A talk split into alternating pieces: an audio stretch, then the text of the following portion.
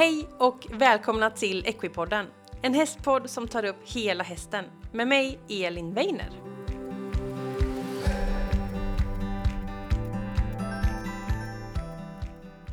Då är det 2024 och det är dags att dra igång en ny poddsäsong. Woohoo!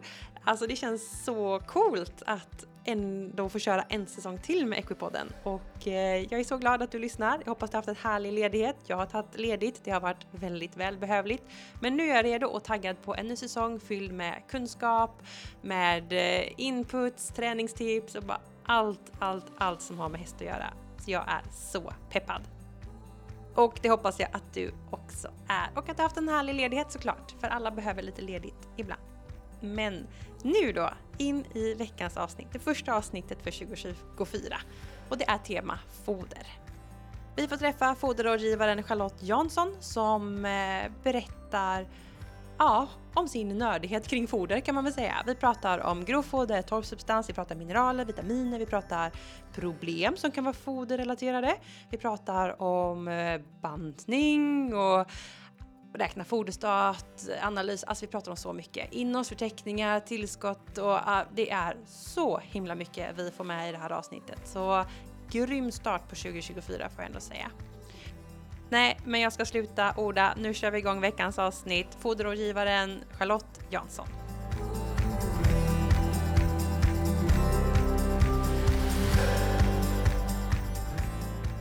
Då vill jag hälsa välkommen Charlotte Jansson. Hej Charlotte! Hej Elin! Ända från södra Sverige höll jag på att säga. Ja, precis. Strax utanför eh, Laholm sitter jag. Mm. Mm. Härligt! Mm. Och idag så är ju tema foder. För du Charlotte jobbar ju som foderrådgivare på Triken. Och eh, vi har ju pratat lite sådär om ja, men det här med vikten av kunskap. Eh, så det mm. ska vi ta oss in i idag, eller hur? Ja, det ska vi. Och ja, jag jobbar ju på, som eh, foderrådgivare på Triken och jag har varit på Triken sedan 2020. Eh, jag började strax innan pandemin bröt ut.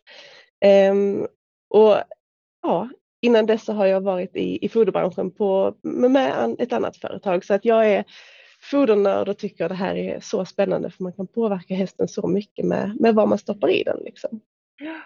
Det är samma sak med oss egentligen. Alltså, om vi äter eh, bra mat så mår vi bra och äter man bara skräpmat mm. så mår man inte jättebra efter ett tag alltså.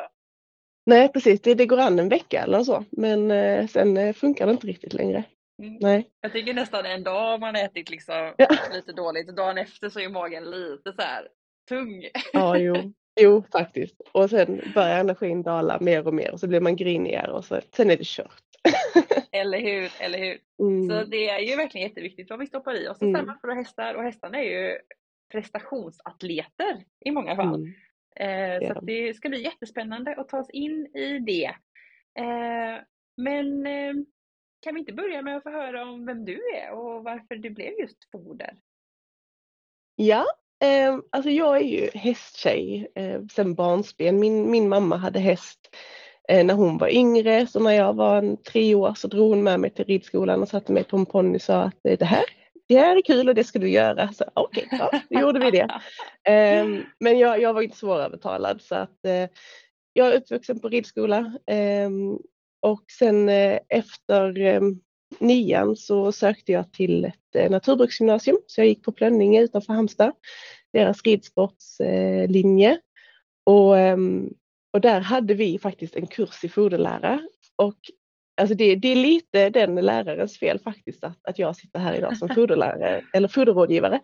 För hon var, eh, Kristina eh, Bergsten heter hon, eh, hon jobbar fortfarande i eh, skolvärlden vet jag.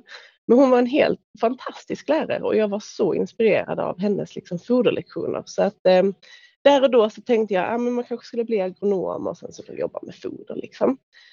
Eh, sen så eh, hände livet. Jag, åkte till, eh, jag blev övertalad av en kompis att åka till Australien på ett sabbatsår. Eh, min kompis åkte hem efter sju månader och jag stannade i nästan sju år. Oj, ehm, ja, jag, ja, det var lite skillnad. Stor, ja, precis. Jag, jag stortrivdes. Ehm, men eh, för att få stanna i landet så behöver man också ha visum. Och då när man hade gjort av med sina sådana här enkla working holiday visum så var det ju enklaste sättet att vara kvar i Australien ett studentvisum.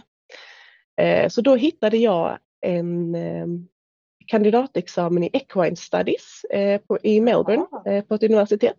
Så där gjorde jag en kandidatexamen i liksom hästkunskap kan man säga. Jag läste mm. tre år, mm. bara häst och det var superroligt, otroligt inspirerande. Vi var, vi var en liten klass och hade så jättehäftiga föreläsare. Det var veterinärer och det var forskare och det var liksom eh, välrenommerade galopptränare. Och alltså så här, vi hade sånt himla roligt och coolt gäng. Liksom. Så efter de tre åren med väldigt mycket teoretiskt eh, jag, jag, brukar säga att det är liksom inte riktigt som hippologen för det är så mycket mer praktiskt i hippologen. Ja, precis. Jag skulle det... fråga det, om mm. det var liksom lite liknande. Ja, nej, alltså på sätt och vis, men, men jag tror att den, utbild, den utbildningen jag gick, det är mycket, mycket mer eh, teori. Um, för mm. hippologerna, de, de har ju väldigt mycket tid i stallet. Vi hade också praktik, men eh, vår praktik var att vi skulle vara med på 20 fölningar.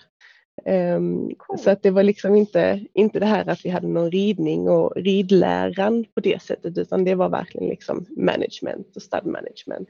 Men eh, sen i alla fall när jag var klar med de studierna så, eh, ja, så hade det väl hänt lite saker i, i, i, livet och jag ville flytta hem igen. Jag längtade hem till Sverige. Mm. Eh, så ehm, jag åkte hem eh, och jobbade lite i ett galoppstall och visste väl inte riktigt vad jag skulle ta vägen med mig själv. Ehm, men så hade jag ju då eh, hört talas om att det fanns en Masters i Equine Studies som man kunde plugga via Edinburgh University. Eh, ja så det sökte jag in. Så den, eh, jag påbörjade min masters hösten 2015.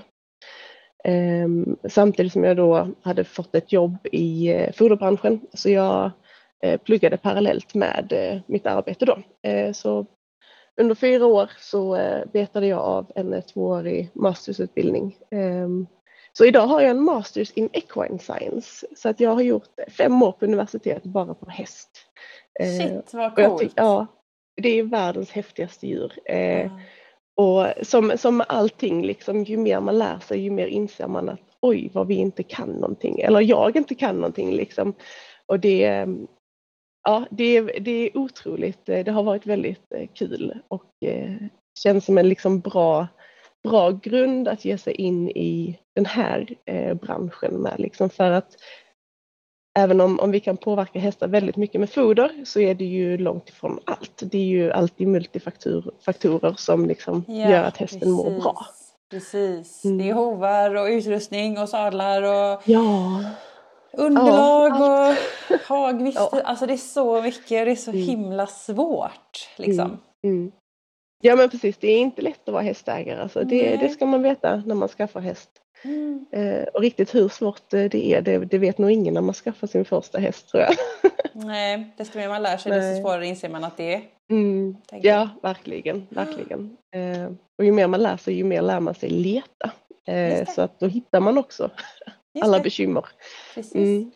Och mm. jag tycker det är lite kul för det är många som lyssnar kanske som är lite sådär på väg. Vad ska jag göra? Jag vill jobba med häst. Och mm. I Sverige har vi egentligen inte ett jättestort utbud. Eh, och vi har pratat lite innan i podden till exempel det här med hästmassage eller fysioterapeut. Mm. Att man egentligen behöver gå kanske humanvägen och att det finns andra utbildningar utomlands där man kan utbilda sig direkt på häst. Och, och mm. det är bara kul att, att lyfta där att det finns liksom en universitetskandidat mm. och en master i mm. det här ämnet. Ja.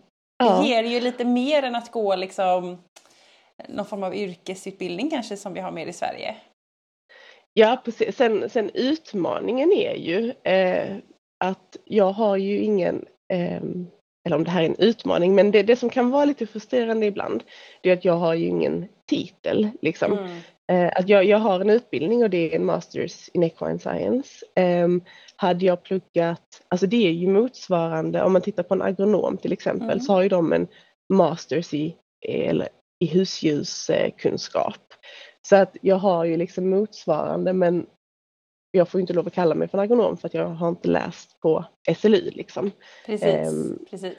Och det, det, för, för många hade det kanske varit mer logiskt om man säger att jag är hästagronom. Då hade man tänkt, mm. okej, okay, fattar mm. vi. Men när jag säger att jag har en master i equine science så är folk mm. så här, bara, ja, Och ja, vad precis. är det? Liksom? Precis, precis. Det blir eh. inget sådär tydligt yrke liksom.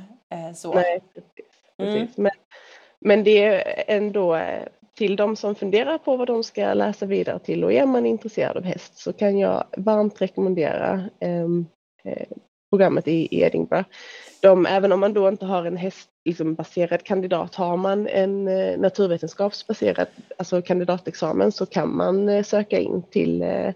programmet i Edinburgh. Och, eh, ja, alltså man, man läser allt från liksom träningsfysiologi till eh, näringslära såklart, eh, mm. anatomi, ortopedics, alltså det är hur, hur brett som helst och man får mm. verkligen det här helhetsgreppet för atleten häst. Liksom.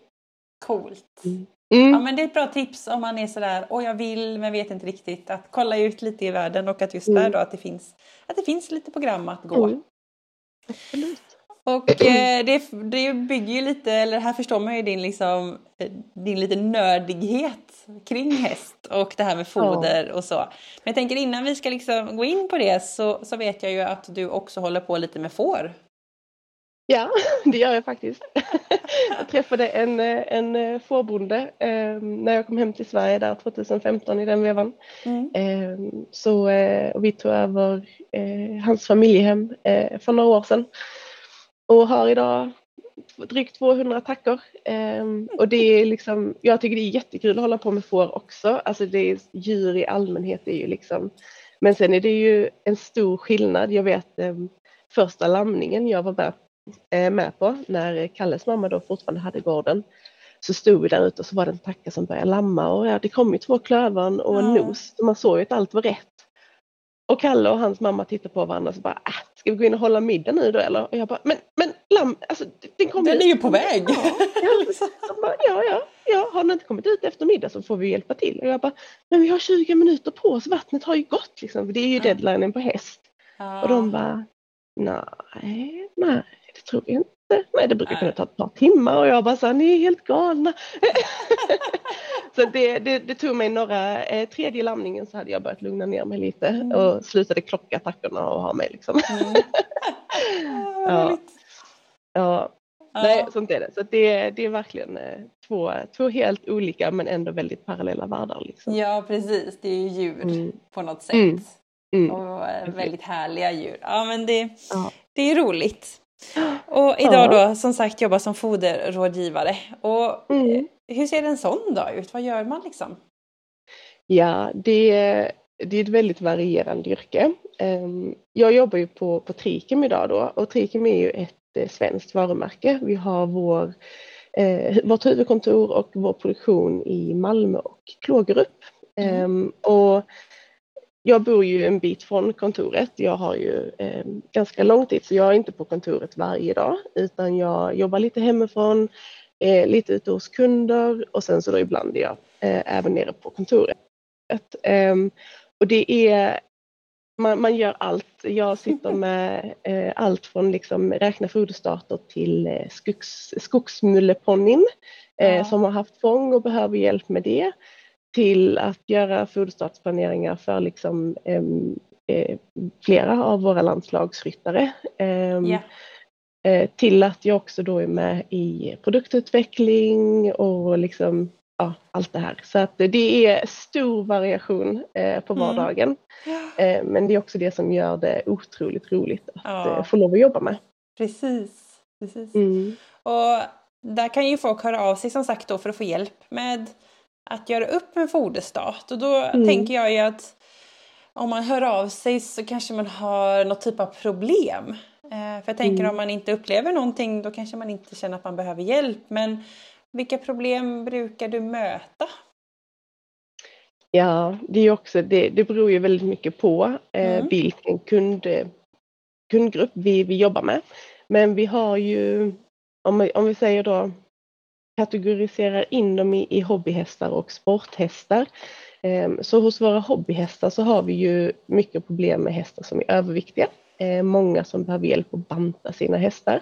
Mm. Ehm, och det kan vara eh, ibland de svåraste kunderna.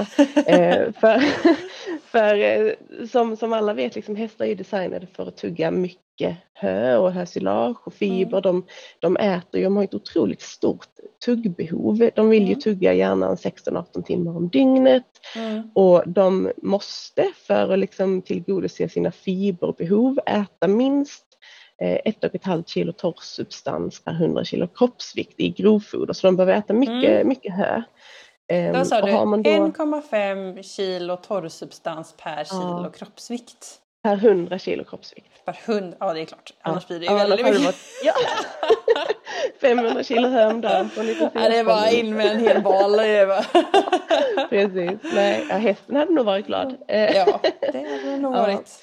Ja, nej men det, det är liksom riktlinjen och, och torrsubstansen i våra grovfoder de varierar ju beroende på hur blött eller torrt det är såklart. Mm.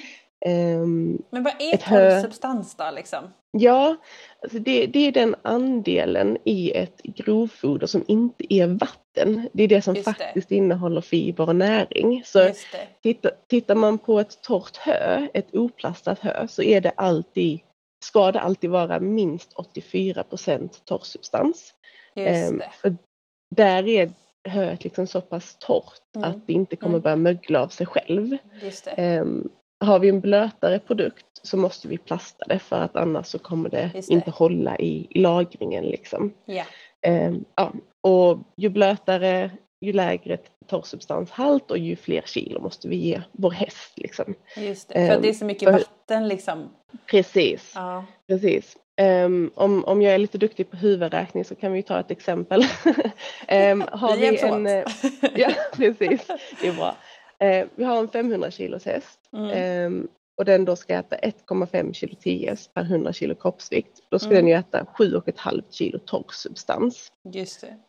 Um, och har vi då ett hö som ligger på 84 procent TS, alltså mm. det innehåller 84 procent fiber och eh, 16 procent vatten. Mm. Um, då behöver den hästen äta typ 9 kilo hö yeah. om dagen för att få i sig 7,5 kilo. Mm. Men hade vi istället haft ett hösilage som ligger på 50 procent torrsubstans och 50 procent mm. vatten. Mm. Då måste ju den hästen äta 15 kilo hösilage. Jätteskillnad! ja, Precis, men egentligen så har den fått i sig exakt lika mycket foder. Bara mm. det att den har fått i sig jättemycket mer vatten mm. via hösilaget. Mm. Så, så det visar ju kanske lite då på hur viktigt det är att vi faktiskt vet vad det är vi har för foder. Yeah. Att, att vi har en analys på vårt grovfoder, givetvis för att veta näringen, men också för att veta hur blött det är och yeah. hur mycket vi måste ge vår häst för att liksom för att de ska få en chans att må bra i deras grovtarm. Mm. Um, mm. För det, det, är ju en sån sak som vi kanske inte heller riktigt tänker på att hästar de är ju så kallade grovtarmsjäsare. Mm. Uh, de har ju en ofantligt stor uh, grovtarm och det, grovtarmen utgörs för hästen av deras blindtarm och då stora kolon. Um, människor, uh, vi är ju inte grovtarmsjäsare. vi jag vet inte ens vad vi kallar oss. Jag, jag är inte så intresserad av människor, enkelmagade djur eller något, jag vet inte. Men, men vår blindtarm är ju typ lika stor som vårt lillfinger. Ja. Um, ja den, och vi kan operera ut den. vi ju inte liksom nej, så. Nej. Precis, precis.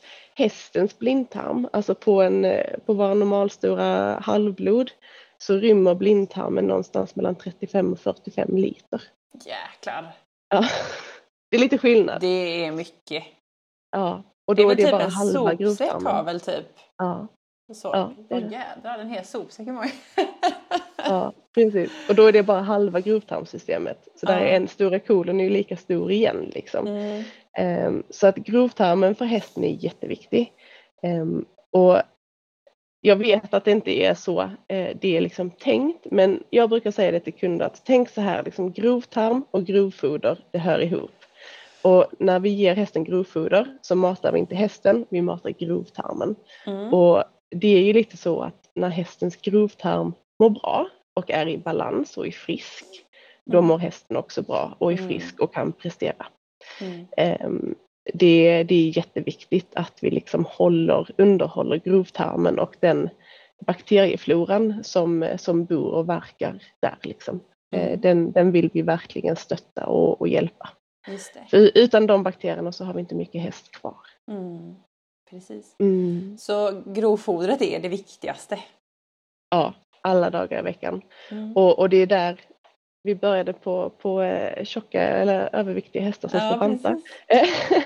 och det, det är där det blir svårt med de här överviktiga hästarna för att vi måste liksom tillgodose deras fiberbehov Mm. utan att ge dem ett energiöverskott. Mm.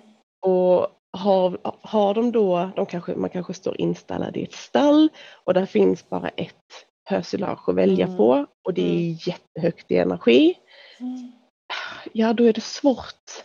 Eh, för det är också svårt att liksom säga till en hästägare att nej men eh, du får skaffa ett eget eh, hö och lagerhålla hemma i garaget och så får du ta med dig en bal till stallet varje dag och ge nej, till din häst. jobbigt. Alltså ja, det, det funkar ju inte heller liksom. Sen, eh, sen har vi ju eh, alltid alternativ med halm och liksom andra så fiberprodukter som är väldigt energilåga som vi kan kombinera med. Men eh, där, det, det är väl de kunderna som jag nästan pusslar mest med, liksom, Mm. hur vi ska Mm. eh, få till en, en foderstat där vi täcker, ändå täcker proteinbehovet för att de får inte stå på en proteinbrist bara för att de bantar och de får inte stå på en fiberbrist men de måste ha ett energiunderskott för att Mm. liksom komma ner i hull. Så att det, Svårt.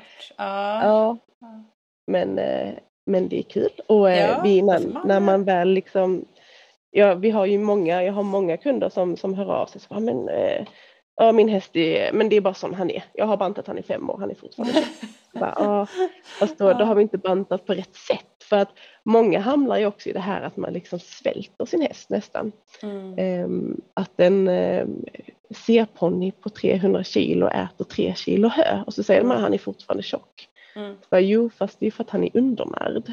Mm. Ehm, när, när, kropp, ja, när, när kroppen går in i liksom det här svältmodet, då lagar man ju allting som fett.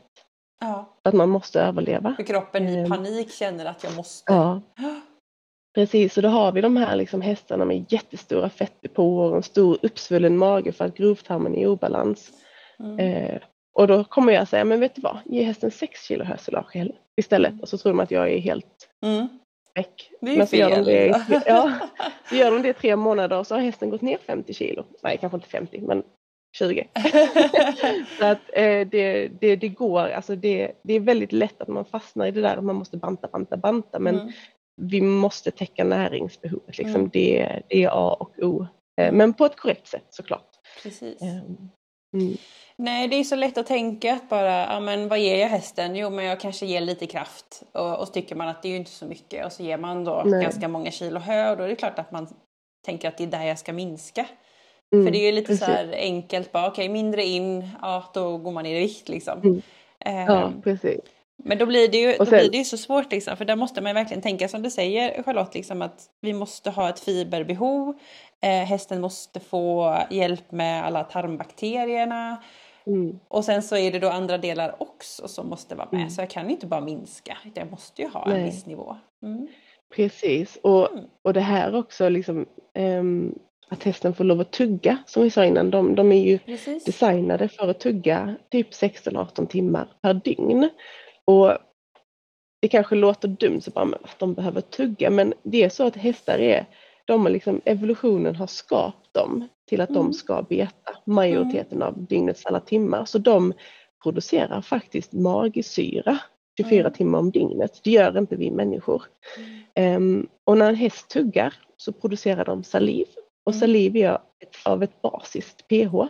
Så att det kommer hjälpa till att neutralisera den sura magsyran i, i, i magsäcken. Ja. Så det är också därför att hästar som inte får tugga, de är ju mycket högre risk för typ magsår.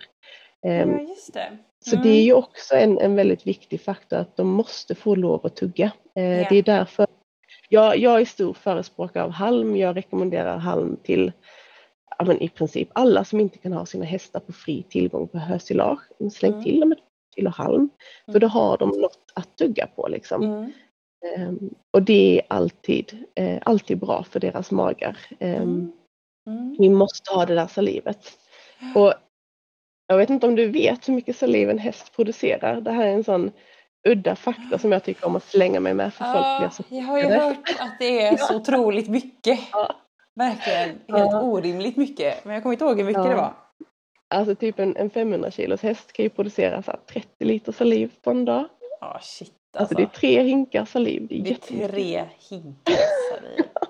Men är. Jädrar vad det är grejer. Ja, det är det. Men det är, liksom, det är också nödvändigt för Mm. att våra hästar ska må bra. Ehm, precis, precis. Mm, För att det neutraliserar magsyran Ja. liksom. Mm. precis, precis. Mm. Nej, Ja, så det är spännande. spännande djur som sagt. Men jag skulle vilja gå in lite också på, för vi har ju pratat om torrsubstansen och så har du sagt näring och så nämnde du protein lite fort sådär. Mm. Eh, för jag tänker att eh, vi kan inte minska hö för mycket för vi måste ha en viss torrsubstans för att hästen ska få dels tuggtid och dels liksom eh, för magbakterierna och sådär. Men all den här, alla de andra grejerna som är så viktiga då, men typ protein Mm. hör man ju är jätteviktigt hela tiden. Ja, precis. Alltså de, om, om man säger de stora spelarna i hästens foderstat, det är ju dels då fibermängden. Ehm, sen är det hur mycket energi hästen äter och hur mycket Mm. protein hästen äter. Och ehm, alla vuxna hästar eh, behöver äta 6 gram smältbart råprotein per megajoule omsättbar energi. Mm. Så att den här kvoten på 6 den pratar man ofta om när man pratar grovfoder och det är liksom för en frisk vuxen häst så är det den kvoten vi vill ha. Mm. Ehm, sen om, om det betyder att eh, hösilaget ligger på 10 megajoule energi och eh, 60 gram smältbart råprotein eller den ligger på eh, 5 megajoule energi och 30 gram smältbart råprotein. Det spelar inte så stor roll för då får vi bara fodra mer eller mindre och så kompletterar vi med halm. Mm. Det viktigaste är liksom att relationen mellan proteinet och energin finns. Eh, Mm. för där har vi basen till en väldigt, väldigt enkel eh, foderstart. Mm. Ehm, sen så e- energi, alltså i princip alla hobbyhästar får sitt energibehov täckt från grovfodret. Mm. Där är få hobbyhästar som faktiskt behöver äta ett kraftfoder för att täcka sitt energibehov. Utan det vi kan behöva sätta till på hobbyhästar det är ju då extra protein Mm. om vi har en för låg kvot i vårt grovfoder. Just det. Och då måste vi ha en analys. Ja, då måste vi ha en analys för att veta och jag vet att jag och mina kollegor i branschen vi tjatar om det här med analys och jag Ja. har hört alla ursäkter från hästägare varför man inte har en analys. Eh, och det, det är klart liksom att det är svårt när man har många små fält och det är svårt när man hugger gräset vid olika tidpunkt och man kanske inte äger stallet man står i och, och diverse. Ja. Men det är ändå liksom ett riktvärde. Eh, sen är analysen kanske aldrig hundraprocentig, men vi vet om vi ligger högt eller lågt eller ungefär rätt på. Ehm, ja, och även om den inte är exakt så är det ju ändå liksom analysen som ger oss möjlighet att ligga ett steg före våra hästar. Precis. Ehm, för att vi kan fodra med ögat, men när de börjar falla ur, då Mm. är vi ju för sent på det. Eh, lite så krass Mm. liksom. Ehm, och sen det här med protein. Som sagt, en, energin den finns i, i grovfodret och det räcker för väldigt, en väldigt, väldigt stor majoritet av våra svenska hästar. Ehm, proteinet kan vi ibland behöva tillsätta Mm. och ibland, även om vi då har ett grovfoder med en bra kvot, vi kanske har en kvot på 6,5 till och med, där är mycket protein i det och på Mm. pappret ska det täcka hästens behov. Mm. Men det finns de hästarna som, som ändå kommer liksom tappa sin överlinje med ett sådant foder. Mm. Eh, För protein är lite lurigt. Mm. Eh, Det är inte solklart utan eh, proteiner är ju uppbyggda av olika aminosyror, olika byggstenar kan man säga. Och de här byggstenarna är beroende av varandra. Mm. Och skulle proteinet i grovfodret fattas någon av de här aminosyrorna Precis. Ja, så begränsar det hästens möjlighet att använda proteinet. Mm. Eh, och skulle vi vara i ett sådant läge, det kan ju vara en, en häst som kanske vi håller på att träna för den ska bygga muskler och den ska utveckla sig framåt. Och man tränar och tränar men man tycker att det händer ju ingenting. Eh, fast jag vet att den äter det proteinet den behöver. Eh, då lägg till 100, 200-300 gram av ett proteintillskott, alltså ett proteinfoder. Eh, alternativt ett liksom kvalitativt proteinkoncentrat eh, där man kanske ger 50-60 gram om dagen. Mm. Och då förser man ju hästen med de där byggstenarna och då Mm. kommer den börja utvecklas i takt med träningen. Så att Mm. man, eh, proteinet, även om, om det är jätteintressant liksom hur många gram som finns i höstlaget, så just på proteinet är det inte alltid hela sanningen för att det handlar mycket om kvaliteten också. Ja, vilka mm. byggstenar hästen får i sig. Precis, och ofta, det här är också en sån sak som man pratar väldigt mycket om i, i fodervärlden. Många hästägare är rädda för att ge sina hästar eh, ett höslage med klöver i. Mm. Um, och klöver är en baljväxt och det är en otroligt bra proteinkälla. Mm. Um, och har man lite, en viss andel klöver i sitt grovfoder så täcker man mycket enklare upp de här kvalitativa proteinerna. Ja, just det, så att man ehm, verkligen får variationerna av ja, aminosyrorna. Precis. Mm. precis. Har man ett liksom rent gräsbaserat eh, hösilage så kan det vara svårare att täcka in det kvalitativa. Mm. Eh, men en viss insådd eh, av klöver eller lucern för den delen kan man också ha insått i sitt eh, hösilage. Mm. Eh, ger en helt annan eh, proteinprofil på mm. fodret. Liksom. Mm. Det är viktigt men, att lyfta tror jag. Ja, verkligen. Och, och jag lovar att hästar får inte fång av klöver. För att det, det, är något som pratas mycket om, men, men det får de inte. Precis, Nej, men man kan ju vara lite rädd för protein för man hör ju just mm. fång och man kan höra proteinknutar och man mm. kan höra att hästarna blir galliga. Alltså protein som mm. är så viktigt ger också mm. att man blir lite rädd för det liksom. Ja, jo och det är klart att liksom äter vi protein i överflöd, alltså äter en häst fyra gånger sitt proteinbehov, då är det klart mm. att det blir problem. Um, men det gör vi sällan uh, via våra liksom, grovfoder. Det är ju först när vi börjar stoppa till massa kraftfoder som vi får sådana överskott uh, ja. och uh, problem. Liksom. Mm. Och, och det är därför jag säger att har man en häst som man vet egentligen äter tillräckligt men det händer ingenting. Det är ju lätt också då som hästägare att tänka men vi ger dem två kilo kraftfoder. Så ja. börja med de där 300 grammen. Det, det, det är kanske allt ja, som precis. behövs. Liksom. Precis. Um, mm. Så det, innehåller ju så mycket mer än bara protein. Ja, liksom. precis, precis. Och det är oftast ganska höga energihalter och har mm. man då en, en häst som kanske är lite åt det rundare hållet ja men då är vi inne i en ond spiral där vi fodrar på dem och så får vi bara fett och inga muskler liksom. Ja, um, och det vill vi inte ha. nej, inte om vi pratar hästvälfärd och liksom långsiktigt hållbara hästar, då, då vill vi ju faktiskt inte det.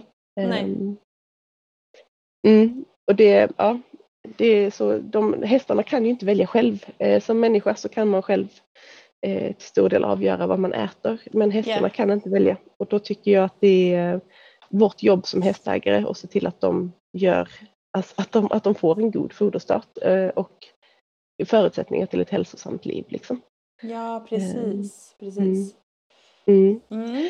Men det, och det, det är väl liksom då om man säger de stora eh, byggstenarna i, i foderstarten. Sen så kommer vi ner och pratar mineraler eh, och vitaminer. Och där har vi då också makromineraler, mikromineraler. Um, och, och, våra makromineraler, det är de som hästen behöver äta lite mer av. De här räknar vi liksom hur många gram per dag ska hästen ha och det är ju då främst eh, kalcium och fosfor, magnesium och eh, natrium, helt vanligt mm. salt. Liksom. Mm. Um, och sen så har vi då mikromineralerna som är de här andra, järn, koppar, mangan, zink, selen eh, och så vidare. Precis. Um, som behövs jättelite. ja, det är inte många eh, milligram de ska ha om dagen men de är ack så viktiga för ja, att de, de, spelar en jätteviktig roll i kroppen. Ja. Um, och när, när jag är ute och har sådana här eh, kundkvällar och foderföreläsningar och så, så brukar jag alltid fråga, för att all, alla vet ju att hästen ska ha mineraler. Och generellt sett så är många hästägare duktiga på att ge mineraler också. Ja, det, det tror jag också. Ja, men ingen vet egentligen vad de gör i kroppen, man bara vet att man ska ha dem. ja. Och alltså mineraler är liksom, de är avgörande för hur våra organ presterar. Eh, de är avgörande för hur väl vårt blodomlopp kan transportera syre runt om mm. i kroppen. Mm. Alla vet till exempel att en människa, med, eller framförallt vi kvinnor, eh, vi vet att när man har en järnbrist yeah. så är man väldigt, väldigt trött. Eh, och det är samma sak för hästen. Mm. Alltså att mineralerna är verkligen inne och styr otroligt mycket som, som sker i vår kropp. Mm. Så ett, ett dagligt tillskott av mineraler eh, och som grundregel så kan man väl säga att hästen får aldrig sitt kompletta mineralbehov täckt av bara grovfoder. Oavsett om det då är ett liksom, alltså vinterfoder, ett hösilage eller ett hö eller om det är ett sommarbete. Vi behöver alltid tillsätta mineraler 12 månader om året. Mm. Um, vitaminerna däremot, um, när hästen går på sommarbete så får den generellt sett sitt behov av vitaminer täckt. Eh, mm. Så då kan man pausa vitaminerna under sommaren men under vinterhalvåret när de äter det här konserverade fodret då, höslage och hö, då behöver vi tillsätta vitaminer igen. Mm. Mm. Mm. Och det är också vitaminerna är samma, samma sak som mineralerna, de är jätteviktiga för organfunktion, för vårt immunsystem, för vår syn, eh, ja, för jättemycket. Och liksom. hormoner och oh. nedbrytning och ja. Ja, verkligen. Ämnesomsättningen, allt. Det, de är väldigt, väldigt aktiva. Just det. Så vi ska inte slarva eh, med vitaminer och mineraler och ibland så kan jag stöta på hästägare eh, faktiskt som, så, ah, men, eh, min häst får ju ett kilo av det här kraftfodret så den får allt den behöver. Så bara, ja, typ en eh, pellets typ sådär, som, ska vara, som ja. sägs vara liksom heltäckande. Liksom. Ja. ja fast ofta då när, när man liksom läser lite noga på den här säcken så står det ju att för en 500 kilos häst för att det här fodret ska vara heltäckande så ska den äta kanske 3-3,5 kilo. Ah. Och ger man då bara ett kilo då ja, måste då man ju det. fortfarande, nej ja. precis, då måste man ju fortfarande tillsätta mineral och vitaminer upp till. Inte en full giva såklart för att de får lite mm. från det där kilot. Mm. Men vi måste alltid komplettera och det, det, är en sån sak som, som många hästägare bara, jaha, ja, men det stod ju på påsen att det var ett heltäckande foder. Mm. Bara, jo, fast om du vänder på påsen ja. och läser så för liksom din hästvikt så ska den äta fyra gånger så mycket för att det ska vara heltäckande. Precis. Så, att, ja, så där är ju en sån sak som många kanske då ja, men man, man glömmer väl av sig i farten. Man köper ett foder som man tycker om och det verkar bra. Mm. Eh, och så läser man inte ordentligt liksom. Nej precis, det är så lätt att bara läsa mm. första sidan sådär wow superbra ja. och så kör man på det och så tänker man inte. Måste läsa det finstilt också på baksidan. ja, ja men verkligen och det är jätteviktigt. In, inte bara då liksom i dosering, hur vi ska dosera en produkt utan också om man säger innehåll. Um, det är ju sån här um, om, om, om jag får lov att ta ett eh, produktexempel, ja, men det här är en sån tydlig sak att mm. eh, vi, vi på Triken vi har ett, eh, en produkt som heter Fokus som är ett lugnande tillskott och det är tryptofanbaserat. Mm. Mm. Och ibland så, ja, det har hänt ett antal gånger liksom, eh, så pratar man med kunder och så säger man, ah, men har du provat tryptofan till din häst som då kanske är lite orolig, lite ängslig? Mm. Så säger de, ah, det har jag provat det, det här och det här märket men det funkar ju inte. Okej, okay. men just det märket har liksom en tiondel så mycket tryptofan som vi har i mm. vårt så kanske skulle prova vårt för att här finns väldigt mycket mer av den aktiva ingrediensen. Yeah. Um, och, och där tror jag att många hästägare eh, kan lära sig jättemycket genom att faktiskt liksom vända på påsen och läsa på innehållsförteckningen och vara så här, vad innehåller den här tillskottet, mineralfodret, kraftfodret ja, egentligen? Precis. Um, för att mycket är nog bara så att man, ja, man läser lite på framsidan på produkten och där står någon sån catchy säljslogan och så tänker ja, man ja, men det precis. blir jättebra. Precis. Och så, ja, så tänker man inte hela vägen på vad, vad har min häst egentligen för behov liksom. Mm. Um, ja, så det, det, det tror jag är en sån jätteviktig sak att man som hästägare börja vända på påsen. Läs innehållsförteckningen. Ni kommer lära er jättemycket. Eh, bara på att jämföra produkter som ni redan har hemma i stallet. Yeah. Mm. Och där är alltså, jag sett, nu är det i och för sig på människor då, men jag har sett så videos från typ USA där man har liksom granskat lite mer så här, vad är det här egentligen och ser mm. att det väldigt tidigt i innehållsförteckningen står väldigt skumma grejer som man säger, mm. det här mm. borde inte vi äta. Nej, Nej men precis, och det är liksom. bara liksom, utfyllnadsprodukter. Yeah. Och, och, så finns det liksom i tillskottsbranschen så kan det vara något tillskott som det står att det är 100% det här ämnet. Mm. Så fast när man då vet liksom hur mineraler fungerar så vet man att det är helt omöjligt att mm. det är 100 mm. av ett rent ämne. Mm. För det måste vara någon slags bärare i produkten. Precis. Och så vänder man och så jo, då är det ju lite andra saker Ja. också. Men ändå marknads, marknadsför man det som ett hundraprocentigt rent tillskott. Ja. Ehm, och det, sånt förvånar mig liksom att, eh, att, att folk köper. Precis. Och där Så. tänker jag också, det har jag också varit med om sådär, eh, det var någon eh, kompis till mig som skulle köpa eh, något, typ, var det glukosamin eller någonting till sin Mm. häst. Eh, och då var det också så här, den här är jättedyr och den här är jättebillig. Mm. Eh, så tar man den billiga, men den billiga var nog billig för att den kanske inte hade så hög koncentration. Liksom. Mm, precis. Fast det är inte heller alltid sanningen. Mm. Ehm, så återigen, vänd, vänd på förpackningen och läs. Precis. Eh, ibland så är det absolut så att, att billigt är, är inte bäst.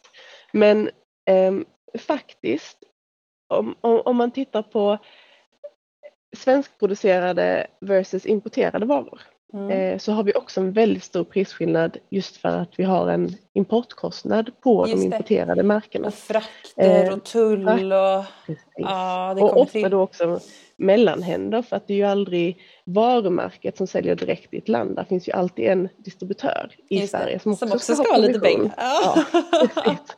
Så att det är inte alltid priset eh, som, som är allt. ehm, utan det, det handlar det är mycket bakom den där prislappen. Liksom. Eh, re, resvägar, eh, om de är långa eller korta, eh, direkt från eh, produktion till butik eh, eller om det är liksom från produktion till butik via tre anhalter. Eh, det gör också väldigt stor skillnad på, på Mm. prislappen, Mm, helt klart. mycket att tänka på.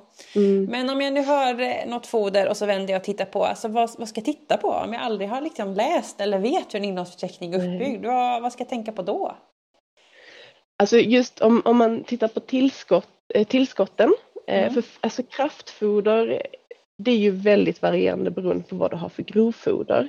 Mm. Men, men vill du ha, har du ett grovfoder med lågt protein, då vill du hitta ett kraftfoder med så högt protein som möjligt och så Ja. lågt energi som möjligt. Liksom. Så att vi ska ha en hög kvot mellan protein och energi. Mm. Ehm, och står det på förpackningen att det här kraftfodret täcker hästens behov av vitamin och mineraler, då måste du också titta hur mycket ska jag faktiskt ge för att det här ska vara heltäckande. Är det rimligt för mig att jag ska ge hela den mängden eller behöver jag komplettera med vitamin och mineraltillskott?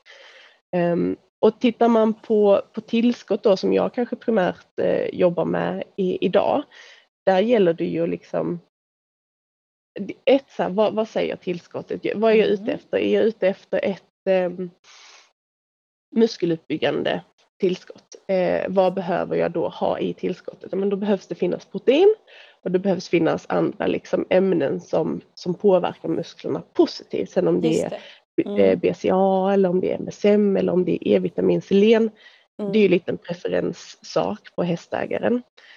Eh, men att man sen då liksom vänder på påsen och säger okej men den här innehåller det ämnet, eh, spirulina till exempel, om vi nu pratar muskler, det är högkvalitativa proteiner eh, och där är 40 gram spirulina, eh, eller fy- 400 gram spirulina per kilo i den här produkten. Mm. Det här är ett konkurrerande märke som också innehåller spirulina, Mm. eh, men där är det 30, 300 gram per Just kilo. Så, Okej, vad- men finns det någonting mer i den här som har 30 som gör det positivt? Finns det någonting mer i den här som har 40 som gör det positivt? Ja. Och så får man liksom jämföra dels vilka ämnen som finns i produkten men då också hur mycket, Hur mycket av dem? Ja, av precis. precis. För det, det blir eh, väldigt, väldigt avgörande på hur effektivt produkten kommer att verka. Mm. Som till exempel det här tryptofan eh, eh, eh, exemplet jag hade innan, alltså 4 gram tryptofan per kilo produkt eller 40 gram tryptofan Ja, per kilo produkt. skillnad. Det som står på våra påsar, det finns i påsen. Eh, liksom det är grundförutsättningar för att vi ska liksom kunna eh, fortsätta eh, vara eh, så. Och därför blir det lite tråkigt eh, kan, kan jag tycka när, när ett annat märke då liksom marknadsför att vi har jättemycket tryptofan och det funkar så effektivt och det är så bra. Ja. Och, så, och, så blir det, och det blir fel för kunden också när man då provar. Så bara, nej men det här funkar inte på min häst. Nej, precis, då får man ju inte den hjälpen man behöver ha.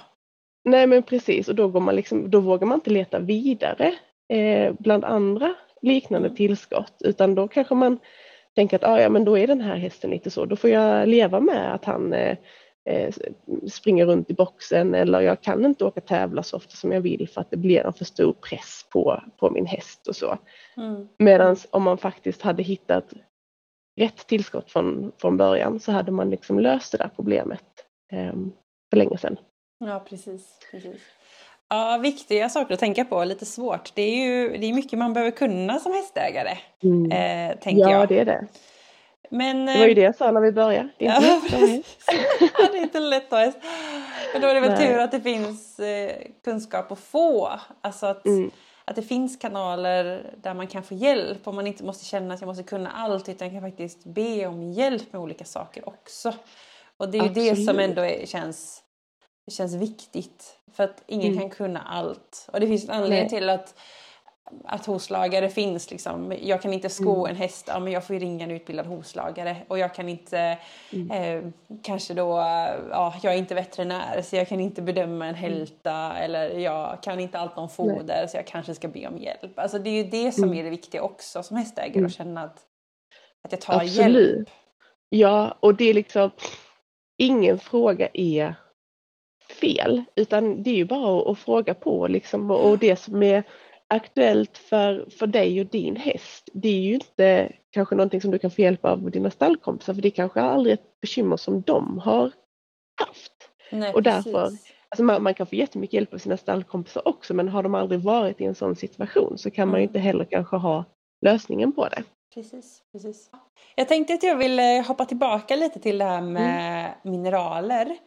Eh, ja. För vi sa ju att det är så många viktiga funktioner i kroppen. Eh, och då tänker jag att om det blir brist så måste det ju mm. uttrycka sig på ett negativt sätt. Ja. Eller hur? Ja. Ja men precis och det här med mineralbrister det är faktiskt lite lurigt för att eh, hästar, precis som vi människor, vi har ju depåer i kroppen. Mm. Eh, så skulle det vara eh, så att till exempel eh, man inte får sitt eh, behov av eh, zink täckt på ett halvår så kommer vi som hästägare inte märka det. Mm. För hästen har zinkdepåer eh, i till exempel i levern, i mm. skelettet, mm. i ögonen. Mm. Så då plockar de varje dag lite lite zink från de här depåerna. Så att vi liksom. ser, ja mm. precis, så vi, vi ser ju bristen först när depåerna börjar tryta. Så det kan ju vara att, att vi har varit slarviga med mineraler ett halvår. Vår häst mår fortfarande tipptopp. Och sen så kommer vi till nästa höst. Och så har vi en häst med jättekraftig mugg. Ja. Och så kliar vi oss i huvudet och tänker, fan konstigt, det har du inte haft innan. Ja, det måste vara ett blött år eller det ja, har precis. kommit in en bakterie i hagen eller det var en Eller jag bytte stall, typ så. Ja, precis. Ja. Ja, um, men egentligen så kan, kan det ju vara så, ehm, eh, kan, inte kanske i alla fall, men i många fall, är ju att den muggen då till exempel är ju ett resultat av vad man har gjort det senaste halvåret, året. Mm. Och är det att man har gett hästen då till exempel för lite zink, då är det därför vi står med en envis mugg den här mm. hösten. Mm. Um, och då gäller det ju liksom att analysera sig själv. Uh, många som hör av sig till mig um, med då, om, om de har muggproblem så frågar jag, okay, men vad har du gett för mineraler det sista året? Ja, det kanske har varit lite så där. Den fick ju ingenting i somras för den gick på bete. Mm. Så ja, men då har vi ju påbörjat en brist för vi mm. vet att gräset täcker inte hästens zinkbehov. Mm. Um, så då lägger vi till lite extra zink i foderstarten och på i princip ingen tid alls så börjar vi, muggen börjar försvinna, mm. vi börjar fylla på depåerna och sen när liksom muggen är borta, vi känner att hästen har laddat upp sina zinkdepåer igen, då går vi över på det här dagliga tillskottet för då är vi liksom tillbaks på där, där vi ska precis. vara. Då behöver vi inte överdosera liksom ja, för att precis. fylla på. Ah, smart. Och det, och det är ju inte bara zink utan det här gäller ju alla mineraler. Eh, koppar till exempel, alltså om man håller på lite med avel, ett mm. riktigt sto som har en mm. kopparbrist, hennes föl är jag kommer inte ihåg exakt hur många gånger mer troligt, men den är mycket, mycket högre risk att den hästen får lösa benbitar innan tre års ålder. det var ju inte bra. Nej, precis, precis. Så slarva inte med era hästar. De, de behöver verkligen få sina dagliga alltså, behov ja. eh, tillsedda. Och det som är lite trist, eh, det är ju om man köper en häst så kan man ju köpa den förra ägarens slarv. Ja precis, just för att det kan komma ett um, halvår senare liksom. Ja, ja, ja eller än, ännu längre liksom. Det, ja. det är lite beroende på vilken, vilken mineral och hur, hur slarvig man har varit liksom. Mm. Um, men det är ju också någonting som, som jag ofta stöter på att man har kanske köpt en häst på våren och sen så kommer man lagom här till november, december och då börjar det liksom, nej men den satt inte riktigt fin vinterpäls och den har börjat bli lite, lite si och lite så och den har börjat bli lite mm. trött eller lite väl pigg. Och så, mm. ja, och då har man ju liksom, då, då, får man ju ibland lite lida för vad den förra ägaren eh, har gjort. Men återigen, eh, hör man av sig och vi liksom har en kommunikation och, och, det är inte alltid vi löser allting på första försöket, eh, självklart. Eh, men, eh, men med lite, lite tid lite tålamod så får vi rätt på, på det bästa. Mm. Liksom. Så kan det hända en del grejer. Mm, absolut. Mm. Så ja, det, men det, det, är, det är svårt alltså. Ja, och det är ett pusslande. Och, mm.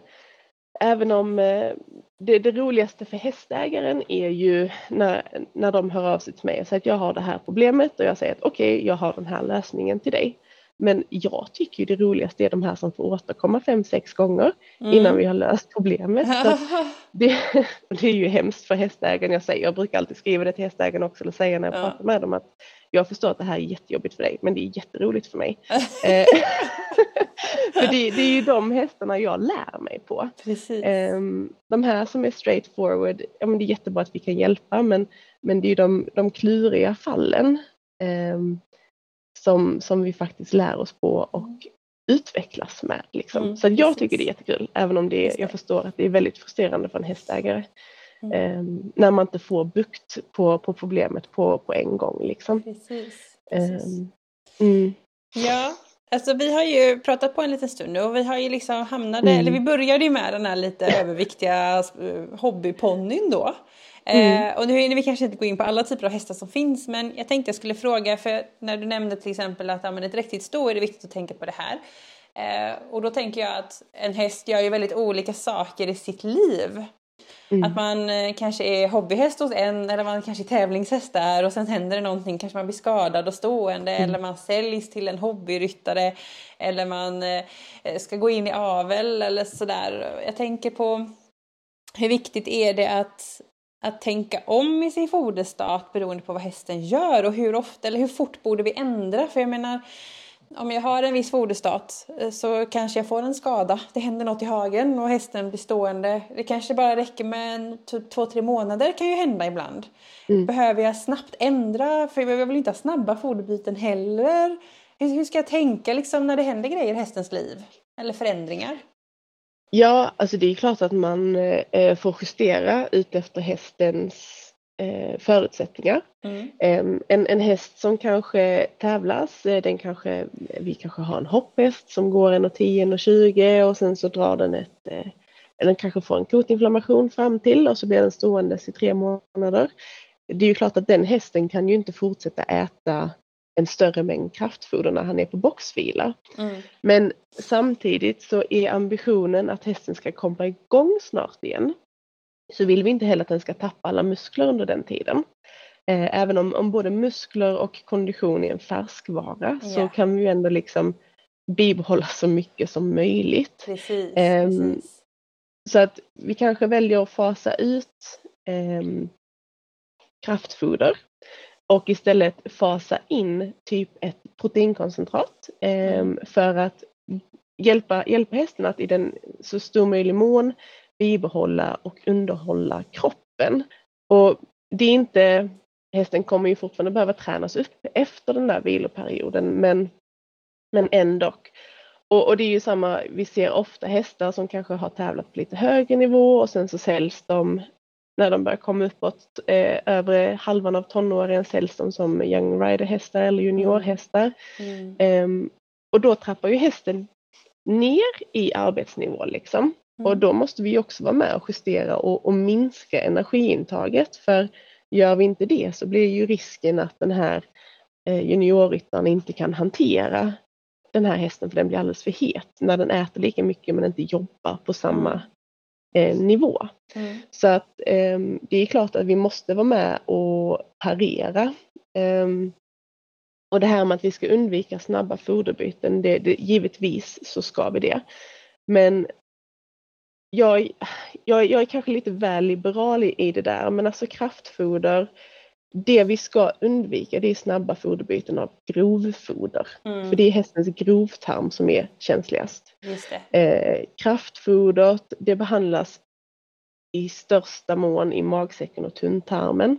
Mm. Och om, om vi liksom går från två kilo till ett halvkilo eh, eller från ett halvkilo till ett, ett och ett halvt kilo på en vecka, alltså det, är inte det som är det Nej, viktiga. det är inte så illa liksom. Nej, Nej, utan det som är det viktiga är ju grovfodret och det är det som är bökigt. När vi till Mm. exempel köper en häst Mm. eh, så ska vi ju i en perfekt värld också köpa grovfoder från det stallet så att vi kan ha en 14 dagars övergång i alla fall. Just det. Men det är ju väldigt svåradministrerat. Ja, Ehm, är det var ju det där Men- igen med att ha höet i garaget.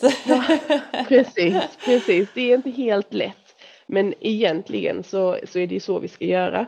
Så Mm. att jag, jag är inte, visst att det finns känsliga hästar och vi ska Mm. absolut inte göra snabba kraftfoderbyten heller. Men det foderbytet är inte lika viktigt Nej, som Det är grovfoderbytet. grovfodret som är. Ja. Ja. Och där är ju många hästar som, som flyttar och, och kanske reser mycket och liksom då har var, stor omväxling av sitt grovfoder. Eh, det märks ju ganska omgående på deras magar att de blir lösa i magen och de kanske börjar lukta lite surt i magen och sådär Mm. efter en flytt. Eh, så vad man kan göra om man vet med sig att nu kanske vi ska iväg och tävla på ett meeting. Ni kommer att stå installade eh, eller uppstallade någon, någon annanstans i tre, fyra dagar och det tycker min häst är jobbigt. Mm. Eh, och, och magen brukar balla ur liksom. Mm. Då, då gäller det ju som hästägare att vara lite proaktiv och stötta hästens Mm. mage och framförallt då grovtarm i förebyggande syfte, typ med ett probiotiskt tillskott. Mm. Ehm, s- ja, så att man liksom, är, man med, med med probiotika, det är ju levande bakterier, det är Mm. de här bakterierna som vi vill ha i hästens grovtarm. Precis. Stoppar man in mängder sådana i förebyggande syfte så kommer ju grovtarmen inte drabbas lika hårt av en Nej, stress det. liksom, Mm. som, som det här med resa och inställning blir. Mm. Och det är samma sak om, om du köper en häst, eh, be den nuvarande ägaren att men, tre dagar innan jag hämtar det kan inte du börja ge den av den här probiotiska tillskottet och så sätter man den på sig i stallet där hos den. Mm. Så, Mm. för då är hästen förberedd på att flytta Mm. hem på ett helt annat Mm. sätt. Just det. Ehm, Mm, Lite det är bra stöd. små- Helt enkelt. ja, precis. För återigen, den där grovtarmen, den är så rysligt viktig för, Ja. för våra hästar. Ja. Ehm, Den, eh, alltså grovtarmen står för eh, 70 procent av hästens energi kommer Mm. från, alltså minst 70 procent av den energin som hästen har kommer från grovtarmen Ja. och minimi 70 procent av hästens immunförsvar kommer från grovtarmen. Mm. Så att en rubbning i grovtarmen eh, blir ju, får ju stora konsekvenser på dels energinivån och det vill vi Mm. inte inför en tävling. Eh, och vi vill inte heller få en konsekvens på immunförsvaret för att ja, men då Nej. kommer vi komma hem med en snorig häst. Liksom. Precis, för man är mer Eh, utsatt när man är iväg. ja. Ja, och det är lite stress och så åker immunförsvaret i botten och sen så ja. Så att eh, var proaktiva inför varje resa, varje flytt eh, med ett, liksom probiotiskt eh, tillskott. Och det, det är inte många dagar det rör sig om. Det är kanske att du behöver ge det här tillskottet i fyra, fem dagar. Mm. Eh, men det räcker för att göra en jättestor skillnad för din häst. Mm.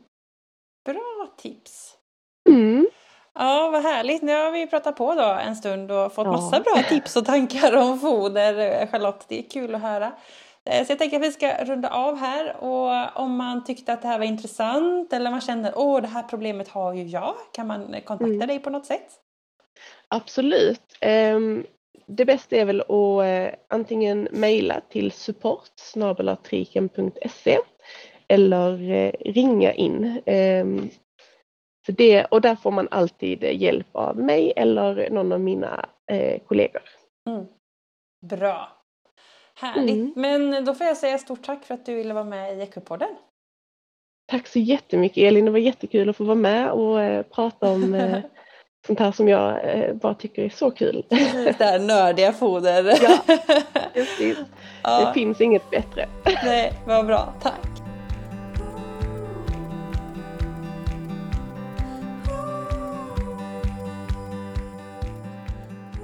Ja, vilken bra start. Vilket bra avsnitt. Så mycket bra saker som Charlotte delar med sig av här och det är så kul att lära sig mer om foder för det är viktigt, det vi stoppar i hästarna.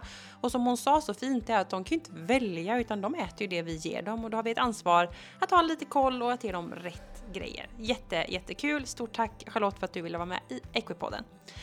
Och eh, nu då, nytt år, eh, nya spännande saker på gång. Kika gärna in på Equipodden på sociala medier, Instagram och Facebook. Där kan det dyka upp lite mer spännande saker, så håll gärna utkik. Och annars så får jag önska dig en härlig vecka så hörs vi snart igen. Hejdå!